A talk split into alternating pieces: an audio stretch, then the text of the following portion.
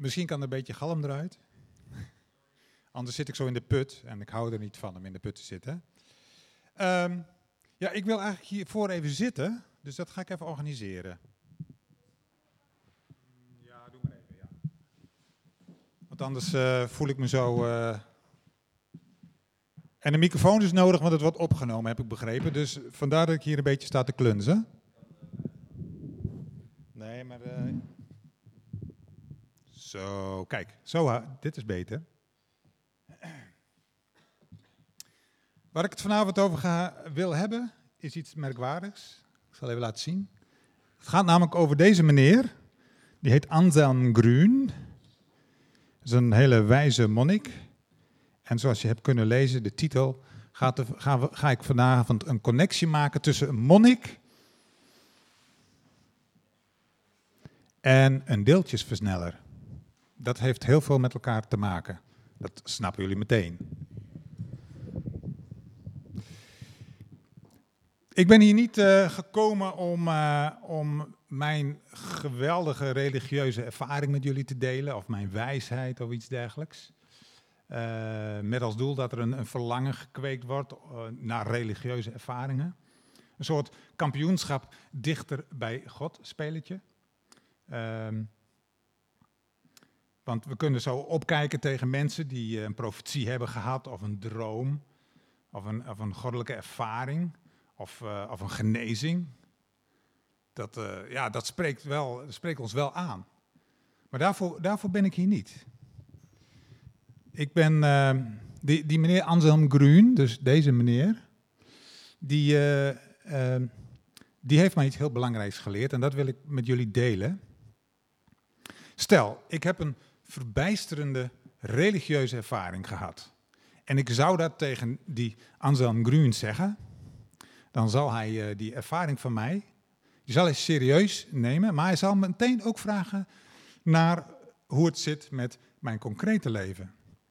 Hoe zit het met mijn dagelijkse rituelen? Hoe laat sta ik op? Eh, hoe gaat het met mijn werk of hoe gaat het met school? Hoe studeer ik? Hoe zijn mijn relaties? En dat zal hij vragen omdat hij geïnteresseerd is van eh, of mijn, spirituele, mijn spiritualiteit, mijn, geloof of mijn geestelijk leven, mijn relatie met God, eh, hij zal het vragen eh, of die dingen geïntegreerd zijn in het dagelijkse leven. Want anders, anders is het een vlucht.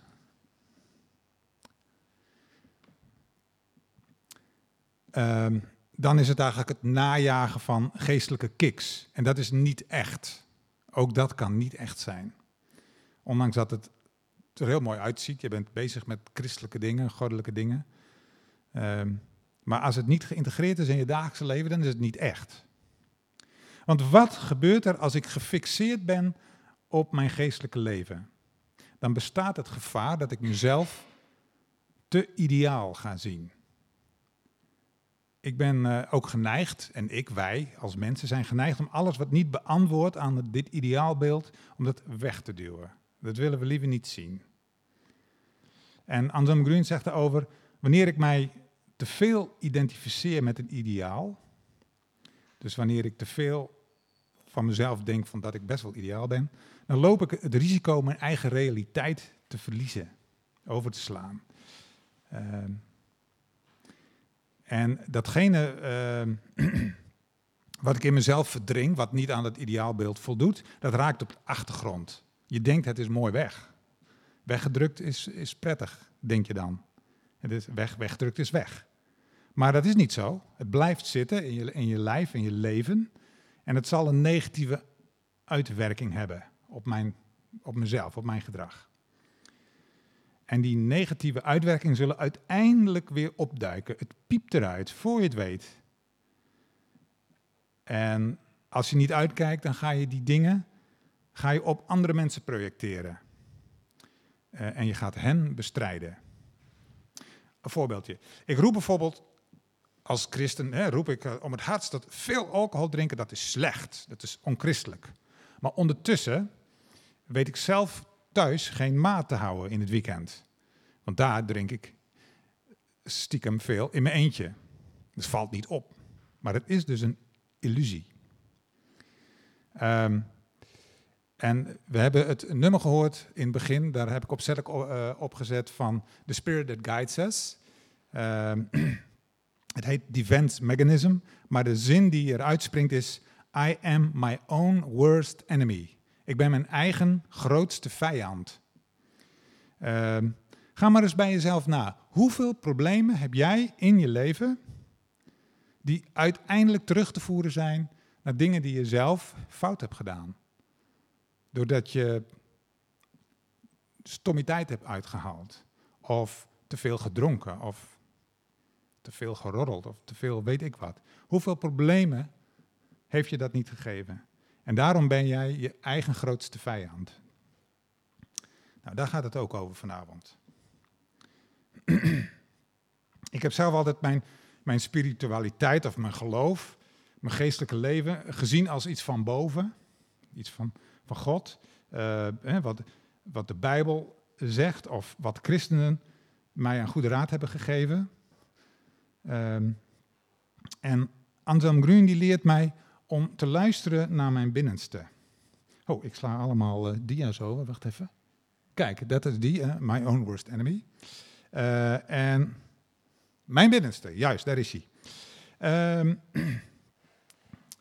Anselm Grün leert mij om te luisteren naar mijn binnenste. Want daar manifesteert zich van alles. Daar gebeurt van alles daarbinnen. Um, allerlei dromen, verlangens en gevoelens. Je diepste hartenwensen, die zitten daar binnen, te woelen en te doen. En Anselm Grün zegt, luister daar maar naar. Want misschien probeert God jou wel iets te zeggen via die weg. Anders volg, je misschien, anders volg ik misschien mijn eerzucht of iets wat anderen mij hebben opgelegd. En dat is weer niet echt weer een illusie. Ik wil niet zeggen dat Bijbellezen uh, verkeerd is, in tegendeel. Maar strookt de Bijbel met mijn binnenste. En daarvoor moeten wij transparant zijn. Transparant. Um, zoals ik al eerder zei, ik ben geneigd mezelf als ideaal te zien. En alles wat niet aan het ideaalbeeld voldoet, vervelende negatieve dingen, die verdring ik het liefst. Die wil ik, nou, die wil ik, die wil ik liever ontkennen. En ik koester liever een illusie over mezelf dan dat ik toegeef dat ik ook wel best wel vervelende dingen heb waar ik, waarin ik niet goed ben. Ik, de, de rauwe waarheid accepteren, dat doe ik liever niet. Want het is vervelend, het voelt niet goed, het is, uh, ja, ja, ik ben dan teleurgesteld in mezelf. En Anselm Grün die, die, die roept mij en die roept ons op om, ehm, om, eh, om dat juist niet te doen. Om ze voor ogen te durven zien. Dat is een spirituele uitdaging, een goddelijke uitdaging. Om bij alles wat je doet, om transparant te zijn voor de geest van Jezus. Het is heel moeilijk dit. Dit is denk ik de grote klus die je als christen hebt te klaren. Nou, wat is dan transparant zijn? Uh, dat is dat ik me niet, mezelf niet voor de gek houd in bijvoorbeeld het gebruik van alcohol of eten. Eten, je kunt te veel eten of juist te weinig. Er zijn veel problemen met eten. Seksualiteit, hou erover op zeg. Uh, geld en bezit. Kijk maar eens hoeveel er gegraaid wordt tegenwoordig. Gezonde communicatie. Lekker roddelen, het lucht op. Kletsen over iemand die je niet mag. Heel verleidelijk.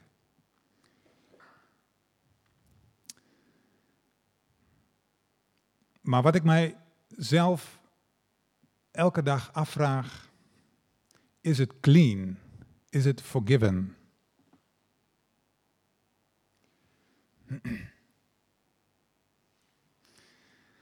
Je ziet dit, dit babytje, die is nog helemaal clean en helemaal forgiven. Daar is nog helemaal niks mis mee. Dat is nog maagdelijk als het ware. Er zit nog geen rottigheid in. Um, en je kunt jezelf afvragen, is elk deeltje van mijn lijf, van mijn binnenste, van, van, van, van je linkerhand tot je, tot je rechterhand, is die schoon? Dat wil zeggen, uh, is elk deeltje bekend bij God? Of houd ik nog enkele deeltjes achter met de illusie dat het God niet aangaat. Ehm, durf ik ze niet in het licht van Jezus te brengen.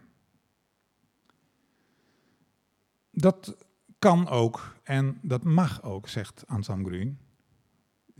Het kan zijn dat je er nog niet aan toe bent. Maar wees tenminste eerlijk.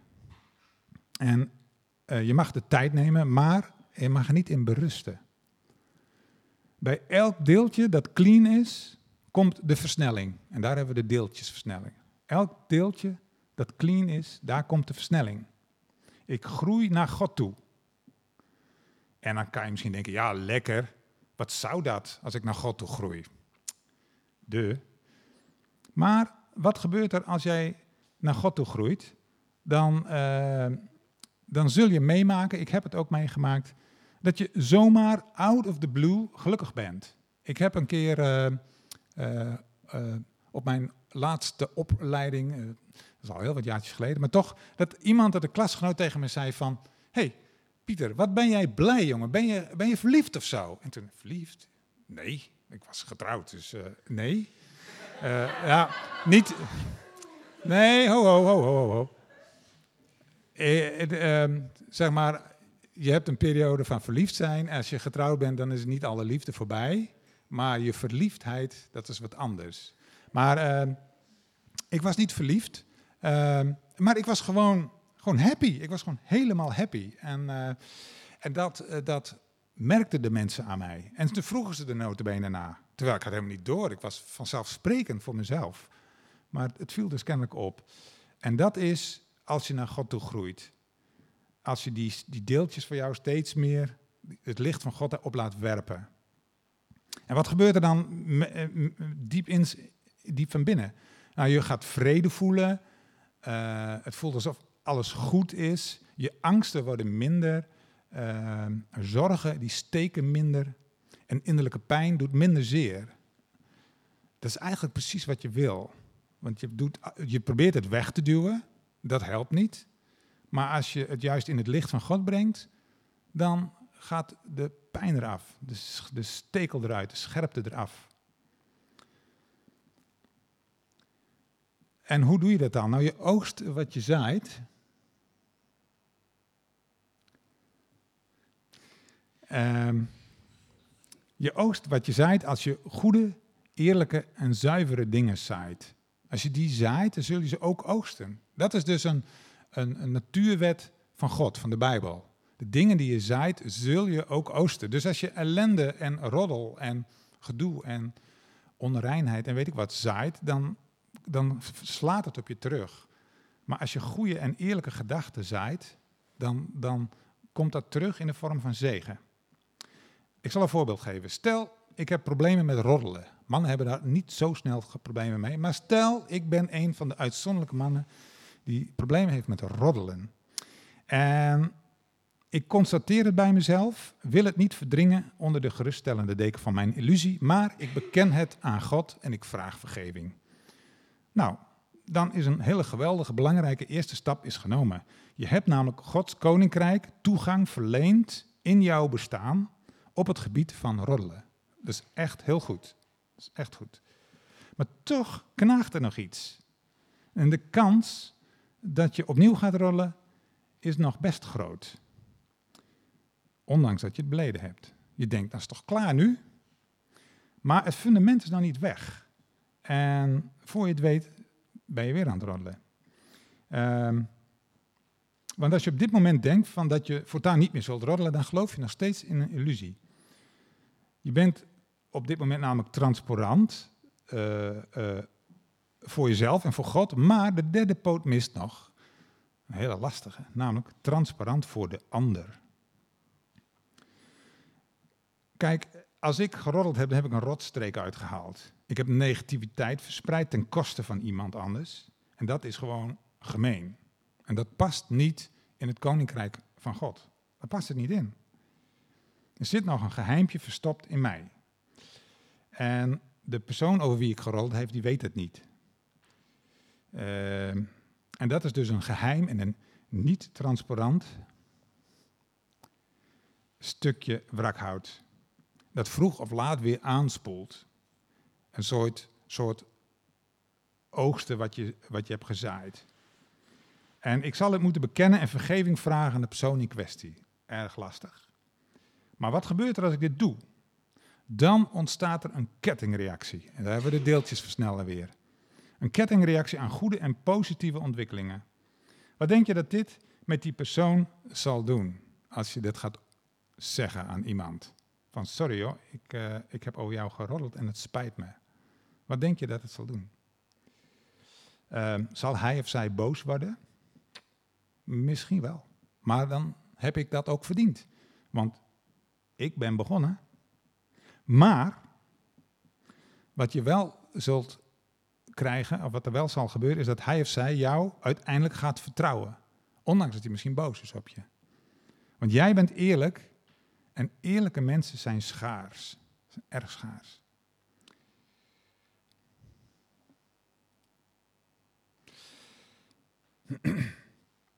Er is ook echt moed voor nodig voor deze, dit soort acties.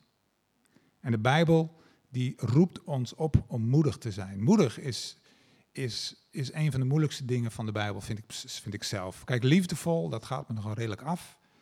Uh, er zijn nog heel veel andere eigenschappen, dat gaat wel. Maar moedig, dat is gewoon lef hebben en gewoon, gewoon dingen doen die je echt niet graag doet. En toch doe je ze. Ook daarin heb ik ervaring. Uh, en het gevolg is dat je echt wordt. Dat is toch echt. Echte mensen zijn ook schaars. Net als eerlijke mensen. En dat geeft een enorme partij rust. En dat geeft ook je een ontzettend vrij gevoel. Je, je hebt misschien wel zoiets van uh, dat mensen het, het, het koninkrijk van God niet aannemen, omdat ze denken, ja, als je in God gelooft, dan mag dit niet meer en dat niet meer en dat niet meer. Kortom, al mijn vrijheden worden, uh, word ik van mijn, al mijn vrijheden beroofd. Dat is zoals het lijkt. En het tegenovergestelde is het geval. Als je juist wel uh, het Koninkrijk van God serieus neemt en, en daar zo goed mogelijk naar handelt, het gevolg is dat je ontzettend vrij gaat voelen. Dus het is heel tegenstrijdig, lijkt het. De, de andere kant is de, de dingen die, die nou, de, de tegenpartij van God, de, de Satan of de duivel of hoe je het maar wil noemen, die biedt dingen die lijken heel tof, lijken heel fijn. En als je, ze, als je, ze, nou, als je daar uh, gebruik van maakt, geeft het altijd een kater. En met altijd, daar mag je een hele grote streep onder zetten. Dus is eigenlijk gewoon het tegenovergestelde van God. Goed.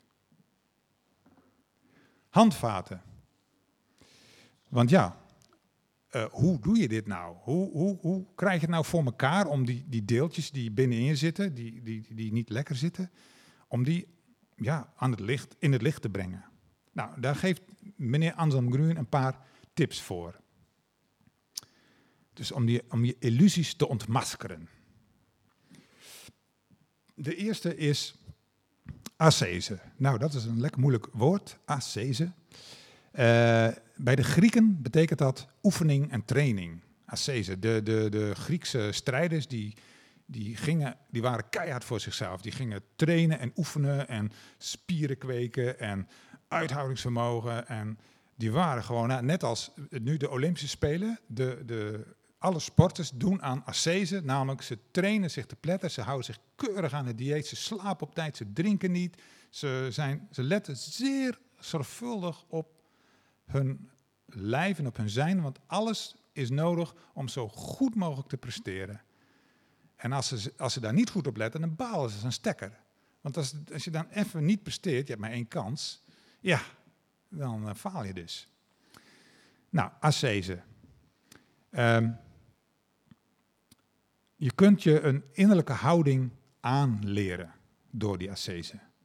Bijvoorbeeld zelfbeheersing of dapperheid, moed, matiging of rechtvaardigheid. En je bent niet, let wel, niet um, ja, ik heb hier staan gedetermineerd door je verleden. Dat betekent geprogrammeerd, gevormd. Ja, je bent wel gevormd door je verleden, maar dat is niet iets wat vaststaat en waar toch niks meer aan te doen. Ik ben nu eenmaal zo. Dat is echt een leugen. Ik ben nu eenmaal zo. is echt een leugen. Ehm, en je klaagt liever andere mensen aan als je denkt van ik ben liever zo. Zodat de schuld buiten mijzelf ligt. Ik kan mij namelijk trainen om innerlijk vrij te worden. Ik kan mij een bepaalde houding eigen maken door te oefenen. Ehm, wat er gebeurt met ascese, met gewoon trainen van, je, van, je, van de goede dingen, is dat je, dat je jezelf gaat verzoenen met datgene, dat, ik moet het bij mezelf houden, dat ik mezelf verzoen met datgene wat ik ben geworden. Dus ik, ik heb best wel dingen in mijn leven waarover ik teleurgesteld ben. Dat ik denk van, ik zie die eigenschap van mezelf heel graag anders. Ik ben daar niet goed in. Ik faal elke keer weer in bepaalde dingen. Maar het is, de eerste stap is, ik verzoen mij met, de, met het idee van, ik ben niet perfect. Dat is mijn zwakke punt en daar faal ik keer op keer. Maar ik verzoen mij daarmee. Niet van, ik laat het er maar bij zitten. Het is nu eenmaal zo. Maar, maar ik, ik duw het niet weg. Dat is wat ik daarmee bedoel. Je verzoent je ermee van, oké, oké, laten we dan eens even zeggen, laat dat dan zo zijn, dat, dat en dat, dat ik daar slecht in ben. Goed, oké, ik accepteer dat. Oké, het valt mezelf tegen, maar toch, ik doe het. En uh, uh, dat is al een hele belangrijke eerste stap, want op dat moment durf je dat als een soort wolkje, kun je ernaar kijken van, oké, dit is dus mijn grote donkere wolk waarin ik mee worstel. Hmm, goed zo. Oké, okay, so be. Nou, Heer God, dit, is, dit ben ik ook helaas. Maar, uh, en uh, dan kan God pas aan de slag gaan, als jij daar bent. En dan krijg je zin om te groeien. Je krijgt zin om aan jezelf te werken. En dan, wat er, dan, dan komt er zo'n kettingreactie. Dan gaan die capaciteiten die God je heeft geschonken of wil schenken, die komen tot ontplooiing. Een andere uh, handvat wat Anselm Grün aanreikt, dat is vasten. En vasten, dan denk je natuurlijk in eerste instantie van niet eten. Uh, voor sommigen is niet eten juist niet vasten, want het is precies een probleem. Dus dat is niet vasten. Vasten is. Um, um, nou, dat heeft heel veel te maken met matiging. De, de oude monniken zagen daarin echt een beproefd middel in de strijd om je eigen hart te zuiveren. Uh, uh, door, door, door te vasten kom je jezelf heel vet tegen als je echt vast. Uh, ook de vijanden van je ziel kom je tegen. Alles wat je innerlijk beperkt. En dit wil ik echt onderstrepen. Die dingen die daar blijven zitten, rommelen en die dus niet aan de oppervlakte komen, die beperken jou, die houden je klein. Wist je dat? Je wordt echt, je wordt nooit, je bloeit niet op als je die dingetjes maar laat rommelen. En, uh, en het houdt je klein. En dat is heel jammer gewoon. Um, Anselm Grün die gaat er best wel ver in. Die, die, die beweert zelfs dat, dat, dat, dat eten en drinken, dat dat uh, voor heel veel mensen een verslaving is. Ook voor de mensen die niet, buitensporig eten. Maar um, door eten en drinken kun je echt een, het een en ander onderdruk, onderdrukken. Maar eh, door te vasten ontdoe je jezelf van surrogaten en kom je die diepste waarheid over jezelf aan de weet.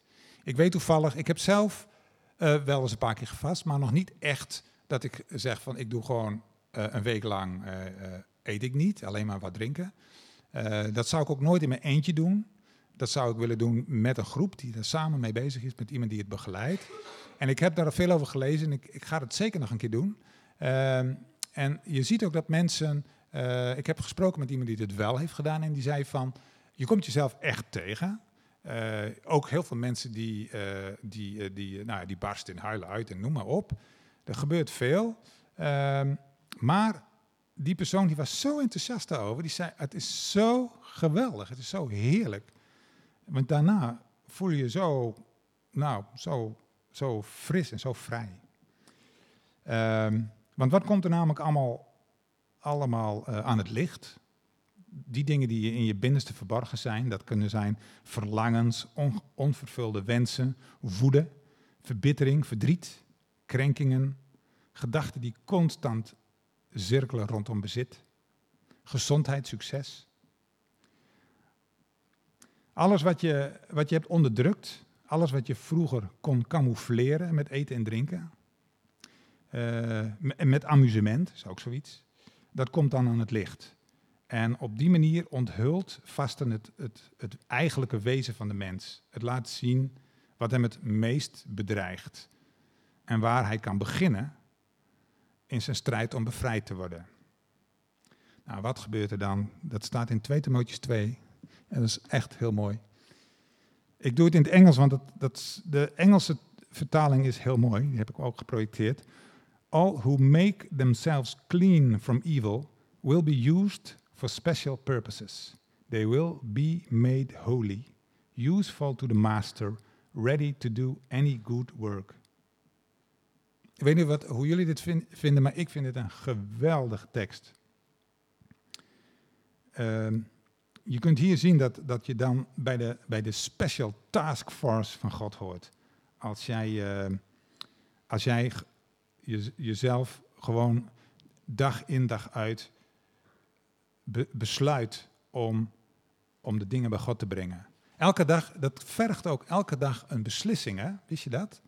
Als je opstaat, het is een beslissing om dit te doen. Van oké, vandaag ga ik leven naar Gods bedoeling, naar Gods wil.